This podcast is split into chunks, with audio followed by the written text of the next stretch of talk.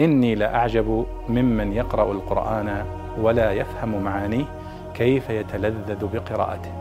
كيف يتلذذ بقراءته. يقول الله سبحانه وتعالى حاكيا حال قوم موسى ولما سقط في أيديهم ورأوا أنهم قد ضلوا قالوا لئن لم يرحمنا ربنا ويغفر لنا لنكونن من الخاسرين. ما معنى قوله تعالى ولما سقط في أيديهم سقط في أيديهم معناها ندموا ندما شديدا.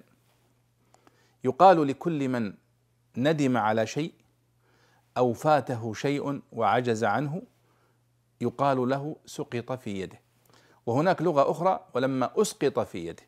لكن اللغة المشهورة والأجود والتي وردت في القرآن الكريم سقط في أيديهم. فمعنى ولما سقط في أيديهم يعني ندموا وعجزوا وتبين لهم بعد بيان موسى عليه الصلاة والسلام أنهم قد أخطأوا خطأ شديدا بعبادتهم للعجل وشركهم بالله سبحانه وتعالى. فمعنى سقط في أيديهم إذن أي لما وقعوا في الندامة الشديدة والعجز الشديد.